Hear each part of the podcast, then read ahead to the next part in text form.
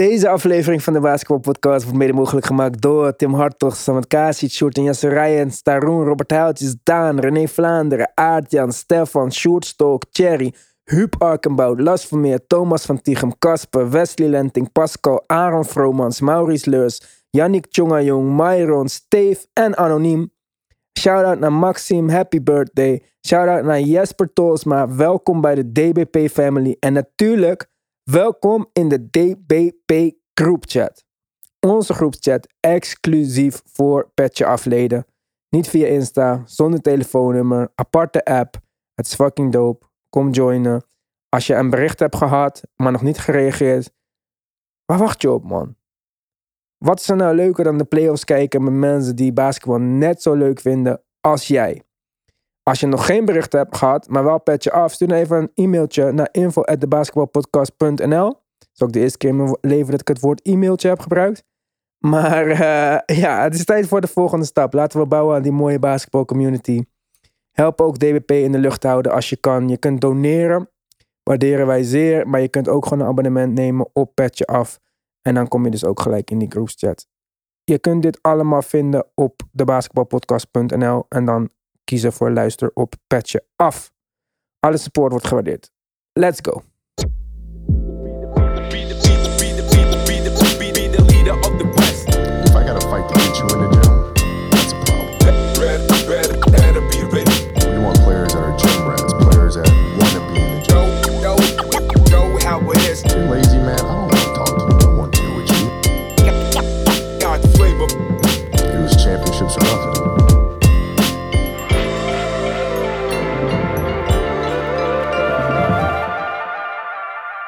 Het lijkt wel het jaar van de scheidsrechter. We hebben het natuurlijk al gehad over Scott Foster, de enige man die Chris Paul kan stoppen. Maar nu vliegen in de tweede ronde van de playoffs de flagrant fouls om je oren. Het begon met Draymond Green, die met een slaande beweging het hoofd van Brandon Clark raakte en hem toen aan zijn shirt naar beneden trok. Na wat gedans over het veld en provocatie van de toeschouwers kon hij linea recta naar de kleedkamer, flakerend toe. De Grizzlies beantwoordden de agressie van de Warriors met hun eigen fysieke aanpak. En voor de tweede wedstrijd in de serie werd er al kenbaar gemaakt dat zij niet bang zijn voor niemand. En dat werd snel pijnlijk duidelijk. En pijnlijk in het bijzonder voor Gary Payton II, die op weg naar de ring voor een lay-up uit de lucht werd geslagen door Dylan Brooks. Later zou blijken dat hij zijn elleboog brak door de val en zelfs zijn banden heeft gescheurd. Wat het extra knap maakt dat hij nog één van zijn twee vrije worpen wist te raken. Ook Dylan Brooks kreeg een flake toe foul en kon gaan douchen. Als hij al gezweten had in die drie minuten dat hij op het veld stond. Coach Kerr zei dat Brooks de code heeft gebroken. Dat hij een fout heeft gemaakt die dirty was, die echt niet kon. Best wel grote woorden voor de coach die Draymond Green, Andrew Bogut en Sasha Pachulia onder zijn hoede heeft gehad. En natuurlijk moet je voor je eigen spelers opkomen. En helemaal voor Gary Payton 2, die zo hard heeft gewerkt om hier te komen en aan zo'n goede run bezig was in de playoffs. Maar laten we eerlijk zijn: shit happens. En het is nooit leuk als iemand geblesseerd raakt. Maar ik denk dat het 9 van de 10 keer niet iemands intentie is om zijn tegenstander daadwerkelijk te blesseren. De Warriors moeten nu hun beste perimeterverdediger missen. Zou het dan misschien een idee zijn dat de speler die de blessure veroorzaakt voor dezelfde tijd aan de kant moet blijven? Zouden spelers dan niet extra nadenken over wat ze doen en wanneer? Want een boete en een vroege exit in de wedstrijd boeit de gemiddelde baller miljonair blijkbaar weinig. Jongens, voordat we het gaan hebben over deze mooie wedstrijden die we deze week hebben gezien, heb ik weer een speler A, speler B voor jullie. Dit is mijn favoriete spelletje, elke keer in een andere vorm. Deze keer moeten jullie gewoon allebei de spelers raden. We hebben speler A en speler B. Beide power forwards. Beide gedraft in 2012. Mark, hoofd omhoog, niet naar je laptop kijken, want ik weet wat er filters staan op nba.com. Speler A. 6'10. 1066 punten gescoord in de playoffs in zijn carrière. Speler B. 6'6. En heeft 1091 punten gescoord in de playoffs in zijn carrière. Beide power forward, voornamelijk power forward. Beide gedraft in 2012. De klok tik-tok, tik-tik, tik-tok, tik-tok, TikTok. TikTok. 2012. TikTok. Mogen we de nummer 1 draftpick uit die draft weten? Als een soort van eh, reminder voor wie Of, daar... nee, mag ik vragen, spelen ze in deze playoffs? Dat is de grote vraag. Wie heeft gezegd dat jullie hulplijnen krijgen? Ja, anders, anders zijn er heel veel spelers. 2012 is lang geleden. Zelfs Jalil Okafor heeft in veel playoffs Oké, maar het zijn twee power forwards in de NBA die duizend punten hebben gescoord in een playoff zijn carrière. momenteel actief in de NBA. Momenteel actief in de NBA. Oh, Oké, dat maakt het wel makkelijker. Dat maakt het inderdaad wel makkelijker. Ik lees gewoon de top 10 voor. Nummer 1 Anthony Davis, Michael Kidd Gilchrist, Bradley Beal, Deion Waiters, Thomas Robinson, Damian Lillard, Harrison Barnes, Terrence Ross, Andre Drummond, Austin Rivers, Myers Leonard, Jeremy Lamb, Kendall Marshall, John Hanson. Niet zo'n dikke draft als je het zo hoort. zeg. Nee. Nou, kom op jongens, ik wil, naam, ik wil namen horen sowieso. De eerste gok. We hebben spelen A, spelen B. Spelen A is 6'10 hè. Het is niet echt heel erg En ze zijn beide power forwards, toch? Beide power, voornamelijk power, power forwards. 6-6 power forward, though. Oké, ik geef jullie tips. Speler A is momenteel niet meer actief met zijn team in de playoffs. Hij is een 6'10 power forward uit een 2012 draft. Oké jongens, dit duurt veel te Ah, lang. Eh, Blake Griffin. Natuurlijk niet. Speler A is Anthony Davis. Ja, Heeft 1066 punten gescoord in zijn playoff carrière. oké. Speler B is Jay Crowder. Heeft 1091 punten gescoord in zijn playoff carrière. Wauw. Is dat niet een verrassende stat? Dat de top 75 speler of all time minder gepresteerd heeft in de playoffs dan James, Crow James Crow Jay Crowder. Ja. Het is wel weer een momentje om even stil bij te staan, ja. Is bizar, toch? Ja. En daarom zeg ik al jaren dat Anthony Davis gewoon een phony is. Eén keer goed gespeeld. Eén keer. Nou ja. En als Jay Crowder dit jaar de titel wint met de Suns, staan ze zelfs daarin gelijk. Anthony Davis hoort niet in deze top 75 thuis, mensen. Echt niet. Nee, dat ben ik met je eens. Mee eens? Goed. We gaan het zo wel even over de Suns hebben. Of gaan we gelijk beginnen met de Suns, denk ik? Lijkt me wel. Ja, gisteren een wedstrijd. Ik zei het al in de groupchat. eh, Tim, we hebben een aantal dingen te bespreken. We hebben nou twee wedstrijden gehad in deze serie. Allereerst wil ik van jou weten. We hebben vaak. Nou, we hebben één duidelijk meningsverschil dit jaar gehad, misschien. En dat is over het salaris van Jalen Brunson. Ja. Wat hij hoort te krijgen. Ja. En hij heeft in de eerste ronde fantastisch gespeeld. Kan niemand wat over zeggen. Misschien heeft hij het hele seizoen heel goed gespeeld. Je hebt zeker die wedstrijden beter gezien dan ik. Maar ik heb wel deze twee wedstrijden gezien. En dit is wat ik de hele tijd zeg. En wat ik denk dat zijn limitaties zijn. En waardoor ik vind dat hij dus geen 25 miljoen per jaar moet krijgen. Wat is jouw mening na deze twee wedstrijden? Nou, de mening is dat ik, dat ik die, jouw mening wel, wel begrijp. En dat deed ik voorheen niet. Toen was ik echt, echt in de overtuiging dat dat... eh en 25, maar ja, 20 tot 25. Laten we de range zo even noemen. 20 plus in ieder geval. Eh, ja, dat gaf, dat, dat gaf ik hem absoluut wel. En daar stond ik ook wel achter. En eh, het is inderdaad, het begint nu pijnlijk duidelijk te worden dat hij eh, eh, tegen nou ja, bepaalde limitaties aanloopt. En daar, Ja. zijn, daar is de matchup met de Suns een, een groot voorbeeld van nu. Denk ik ook. En ik, ik vind het. Ik denk dat Dallas mazzel heeft met dit, zeg maar. Hoe bedoel je dat? Nou ja, kijk, in de matchup tegen de Jazz kom je gewoon beter uit de verf. Tegen twee slechte perimeterverdedigers. Met een a- ander, sowieso een andere defensive scheme, zeg maar. Dus een stuk minder drop eh, coverage in deze serie bijvoorbeeld. Waar hij dus prima van kan profiteren. En misschien is het goed om dit te zien, zodat die superhype even naar beneden gaat. Ik zeg nogmaals niet dat zij hem niet zouden moeten resignen. Maar dat zou naar mijn mening gewoon voor 14 miljoen moeten zijn of zo. Of het contract wat Dorian Finney-Smith had. Ik weet niet wat het was. Ja, iets in die, iets in die range. Eh, nee, klopt. Maar goed, daar spelen natuurlijk ook weer andere, andere belangen. Het is in de vraag, inderdaad de vraag hoeveel invloed heeft zijn presteren in deze playoff-serie, laten we zeggen, op zijn free agency. Want als Mhm. Dallas daar een bepaald standpunt inneemt, op een gegeven moment moeten ze toch een beslissing maken en een bod doen, al dan niet. Dan is natuurlijk de volgende vraag, wat doet de markt? En dat gaat uiteindelijk bepalen of hij überhaupt weggaat of niet. Ja, ik denk dat deze serie daar nu heel veel in uit gaat maken.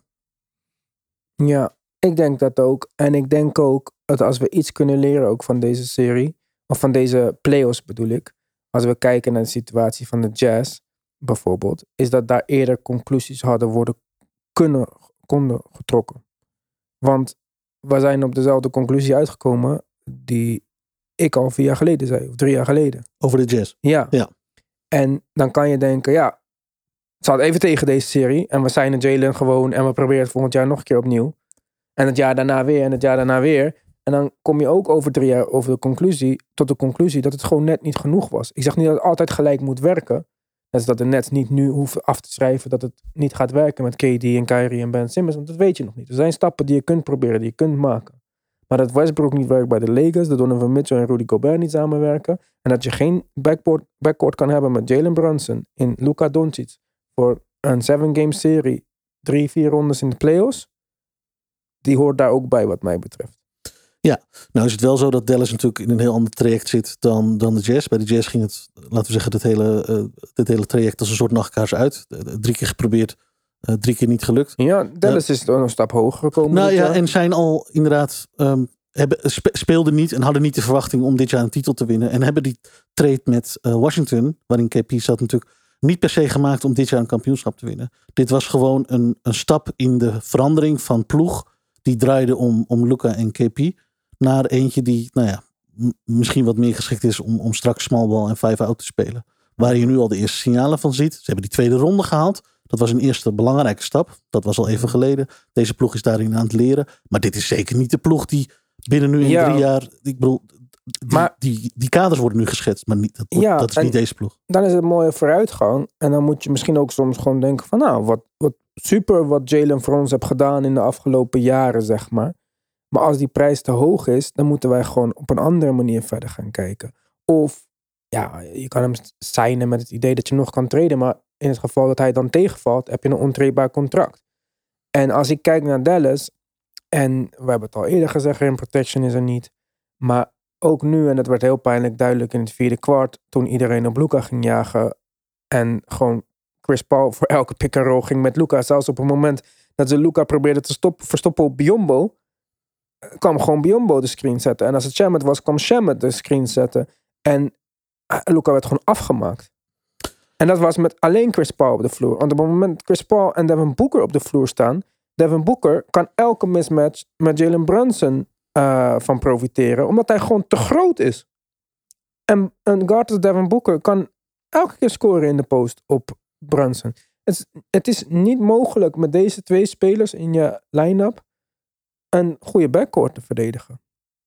Nee, die, die, ehm, laten we zeggen, die limitaties werden nu, werden nu duidelijk. En het, het, het is een beetje tweeledig, want je komt ook tegen misschien wel de beste backcourt in de NBA.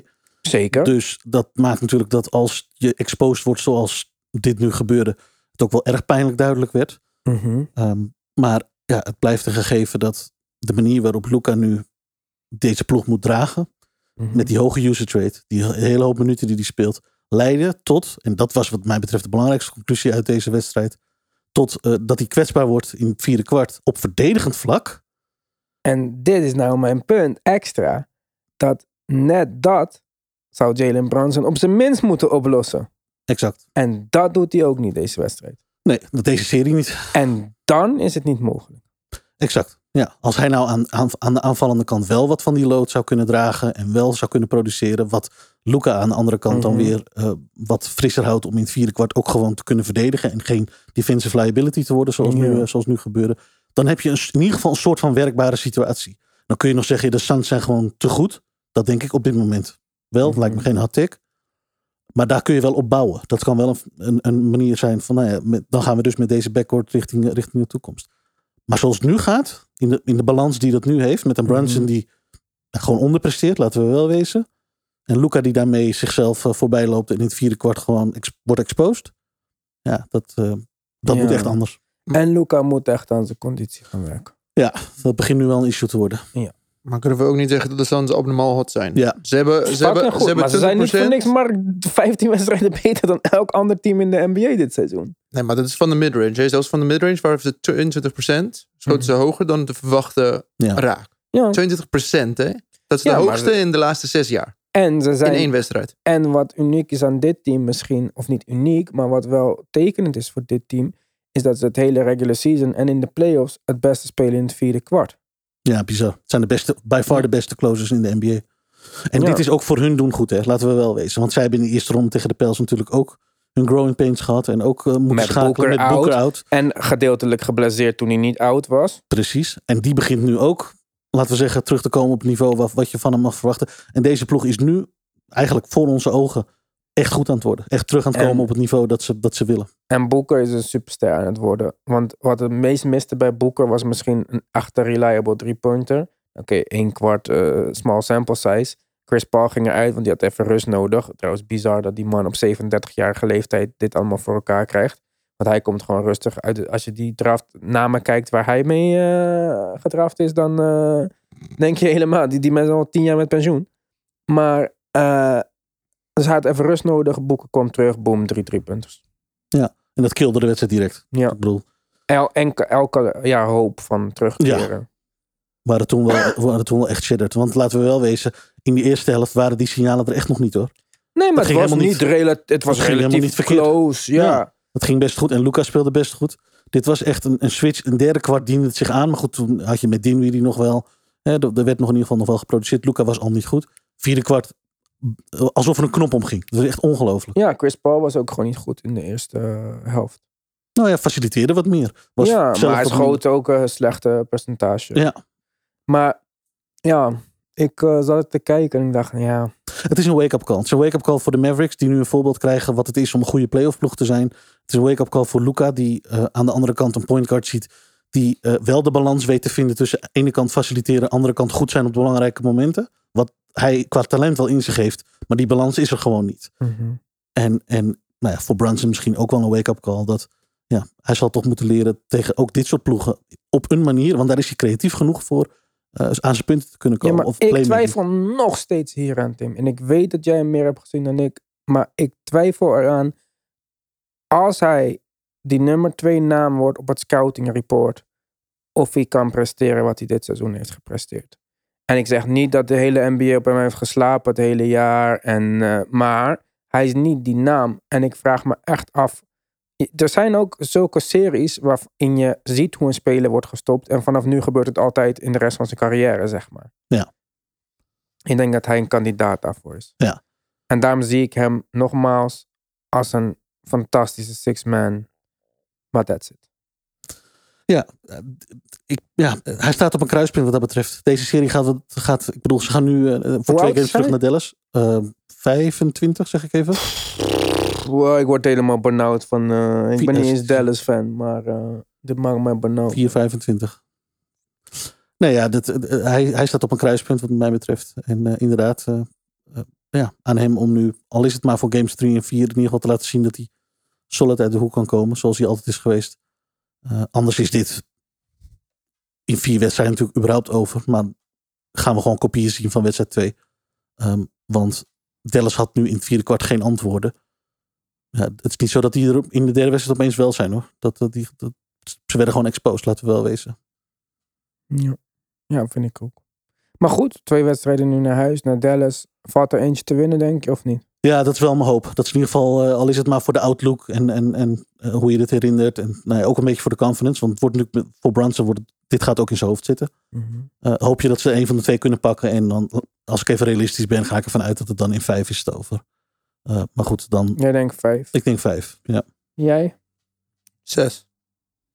Ja. Ja. Geef de kans thuis. Twee goede wedstrijden zijn pompt. Je krijgt wel een beetje geluk. Ik denk ook vijf. En dat eh, vind ik nog ruim. En eh, ik, eh, ja.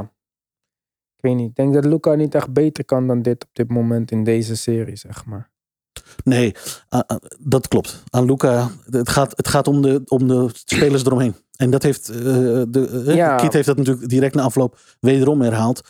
Er moet om te beginnen nu een beetje aanvallende productie komen van Brunson en Dinwiddie. Zolang dat niet Ja. gebeurt, kan Luca gewoon 35 averagen. Maar ga je nergens heen met, met de Mavericks. En wat Kit natuurlijk ook zei. This isn't Gobert en Whiteside. These guys can put the ball in the basket. Ja, Over de Over big, de man. Ja. En dat zie je ook met Eten. Het is eh, te veel. En Eten was beperkt deze wedstrijd. Dit was niet eens het voorbeeld van Eten. Die Niemand was goed deze wedstrijd. Nee, Eten was, was natuurlijk een foul trouble. Maar ja, dan hebben ze JaVale McGee, uiterst effectief. De Biombo in zijn beperkte minuten, uiterst effectief.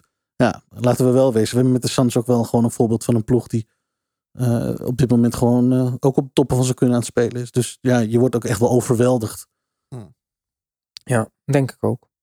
Goed, gaan we het even hebben over die andere serie. Eh, we hadden het er net buiten over, Tim, ik- Tim en ik. Toen we op Mark moeten wachten. wachten. Ja. Maar ehm, wat een, eh, ja, hoe zeg ik dat nou? Wat een saaie bedoeling. Ja, niet play-off waardige atmosfeer. Ja. Ik hoor het publiek niet eens. Ja, behalve als er iets echt heel super spectaculairs eh, gebeurt. Maar ja, het is het niet echt hoor. Maar En Heat Stadion is gewoon de helft van de tijd niet vol. Je hebt die brede rode trappen waardoor het nog extra leeg lijkt.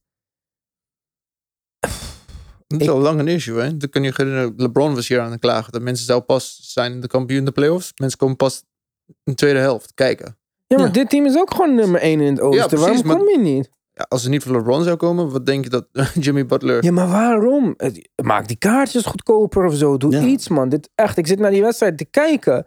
En het- ten eerste is het de ene fout naar de andere fout. Dus het kijkt al niet lekker. Mhm. En dan die leegte. Dat irriteert mij. Geluid slecht. En dan nog hoe die Heat spelen. Is ook niet de meest aantrekkelijke basketbal op de v- planeet, zeg maar. En dan James Harden. Dit is toch de meest... Ja...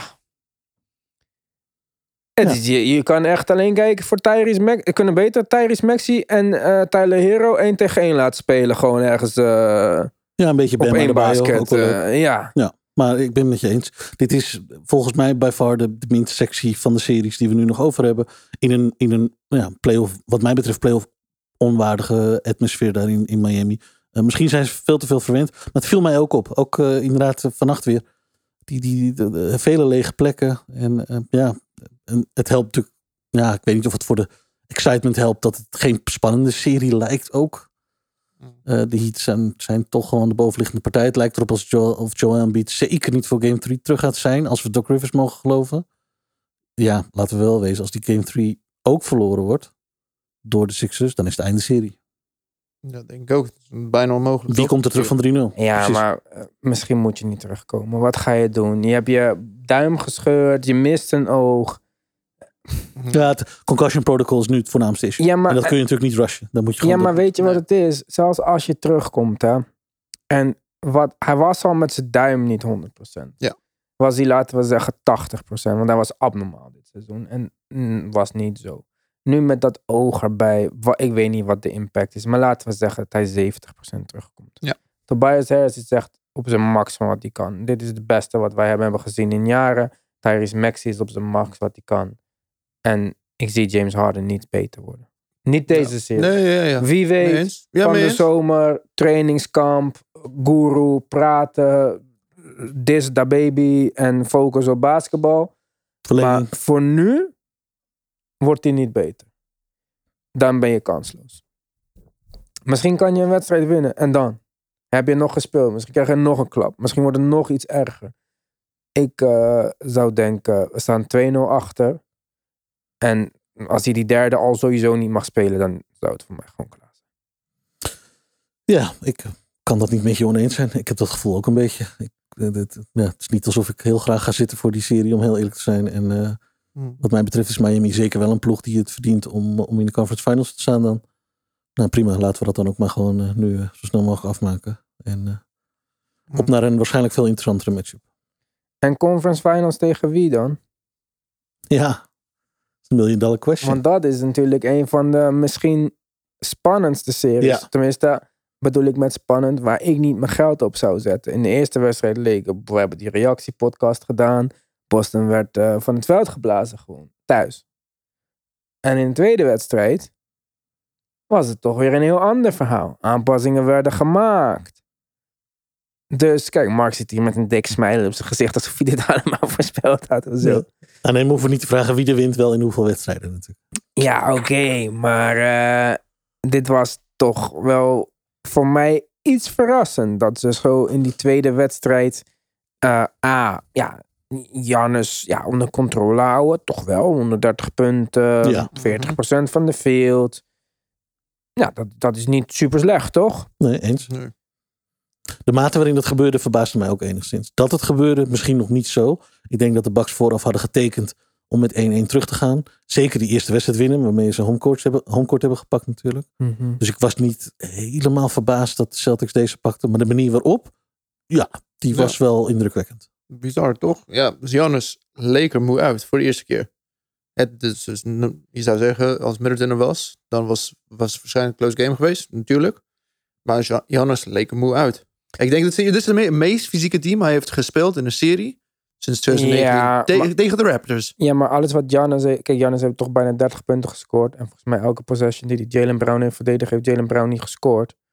Ik denk dat het grootste verschil kwam voor deze wedstrijd eh, uit de drie punten van Boston. Je kan niet de Bucks verslaan in de paint, zeg maar. Dit wordt vrij lastig.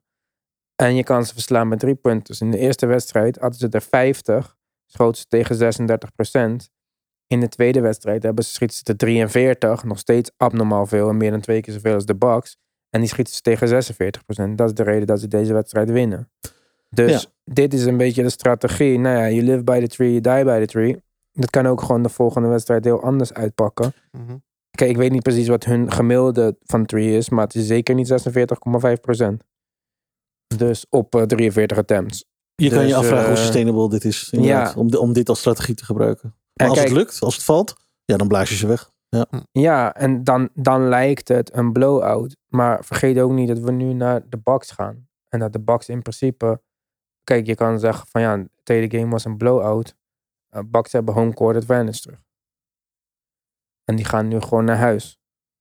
Ja, met een 1-1 tussenstand waar ze nogmaals vooraf ongetwijfeld Ja. voor hadden getekend. Dus nee hoor, er is helemaal geen man overboord. Maar ehm, dit zijn beide wel, ja, ik heb wel het gevoel dat, eh, sterker het gevoel dan ik had, dat dit inderdaad eh, een lange serie gaat worden. Ja, maar ik vind, ja, nogmaals, die drie punters. Kijk, de Bucks zijn ook, we hebben het alleen over zat gehad, maar de Bucks zijn drie van 18. hè. Van drie Ja. in een wedstrijd. Dat gaat niet thuis nog een keer gebeuren. En dan is het verschil al een stuk kleiner. En dan draait het wel weer om welke speler gaat het verschil maken. En kijk, ik weet niet of onder Boston fans natuurlijk, iedereen heeft zijn favoriete speler. In onze groepschat zeggen de meeste mensen Marcus Smart. En dat snap ik wel, want als jij voor een team bent en je hebt een speler die zo zich inzet, ja, dat is natuurlijk prachtig om eh, te supporteren, zoals eh, Nick zou zeggen. Maar ja, ik denk dat de beste speler in de serie nog steeds Giannis is. Mhm. Ja. En Tatum had een goede laatste wedstrijd. Maar viel in de eerste wedstrijd weer gigantisch tegen. Hoeveel zouden jullie deze serie zetten, denk je? Op hoeveel wedstrijden dit wordt? Ja. Ja, ik heb gezegd zes of zeven. Ja, eh, ja. Zeven. ja. Oh, maar jij, zei, Ja, laatste zeven, keer wa- waren ze ook zeven. maar jij zei keer. 7 voor Boston, toch? Ja. En jij zegt 6 voor? Milwaukee. Of 6, 7 voor Ja, Milwaukee? zes of zeven. Ja, ik vind dat, Eén ik vind nummer, dat één nummer. eh, dan, wordt het, dan doe ik zeven, want het is in, in Milwaukee. Zeven wedstrijd. Ja. Ik zeg 6 voor Milwaukee. Ja, ja. ja. Ik Niet vergeten, zie niet- ze missen hun tweede beste speler. Dat is wat we vergeten, hè? ja, en we hebben in, in, in deze game toe gezien wat, dat, wat voor verschil dat maakt. Dus Ja. ja, fair. Eh, En niet dit vergeten- gaat ze een hoop problemen geven. En de Bucks zijn nou ook niet in de playoffs altijd even constant gebleken. Ik kan me volgens mij vorig jaar herinneren in die serie tegen de Nets ook dat het eh, ook niet elke wedstrijd even, eh, laten we zeggen, eh, even rechtlijnig eruit zag. Als in, ook zij hadden dagen waarop het een stuk minder ging dan de andere kant. Nou, daar is deze 3 op 18 die je net noemde een goed voorbeeld van. Dus misschien is dat juist het recept om, om een hele lange serie tegemoet te gaan. En komt het dan straks aan op een, op een één, beslissende wedstrijd. En ja, wie weet wat Middleton dan nog. Ja. hoe verder je achterin, hoe langer die serie duurt, hoe meer Heinekaart wordt gespeeld natuurlijk. Wie weet. We hebben er nog niks van gehoord, maar ja, het, het, het doet hem in ieder geval geen slecht. Dus, eh, Mhm. maar los daarvan, ja, Game 7 Milwaukee, ja, ik zie het wel. In de TD Garden. Boston, Game 7, TD Garden. Refs are gonna be on this side. Maak me geen zorgen. Toch? Ja, TD Garden. Yo, ik, Daar, maak me daar ben ik zorgen, bekend voor. ik maak me zorgen om die volgende ronde tegen Miami. Waarom maak je daar zorgen om? Nou, welke van deze teams ook doorgaat. Het wordt zo'n slachtfeest en zo'n slug eh, oh, fest. Ik hoef het niet. Ja, wel echt eh ouderwets playoff basketbal. Hmm. Ik weet niet, ik begin me eigenlijk een beetje zorgen te maken over deze playoffs zonder al deze supersterren. En eh Oh, maar de Celtics Bucks series was toch wel leuk om te kijken. jawel. Nou ja, ik vind het niet zo leuk dat het allebei zeg maar makkelijke overwinningen zijn. Nee, maar goed. Liever zeven game close dan om de wedstrijd, zeg maar. De Ja, laatste wedstrijd was gewoon klaar Ja. in het begin van het vierde kwart. Ja. Oké. Goed jongens, wij zijn er deze week op dinsdag. Want het is zondag moederdag. En Tim is tien jaar getrouwd. Dus hij gaat dat vieren. Wij laten jullie lekker moederdag vieren. Dan gaan we maandag gewoon weer opnemen. En dan eh, komt het misschien maandag wel uit. Maar reken op dinsdagochtend. Wij gaan zo meteen natuurlijk verder op Petje af. En daar ook hebben we nog een paar leuke dingen bekend te maken. Maar dat gaan we zo doen. Dankjewel voor het luisteren. Tot de volgende keer.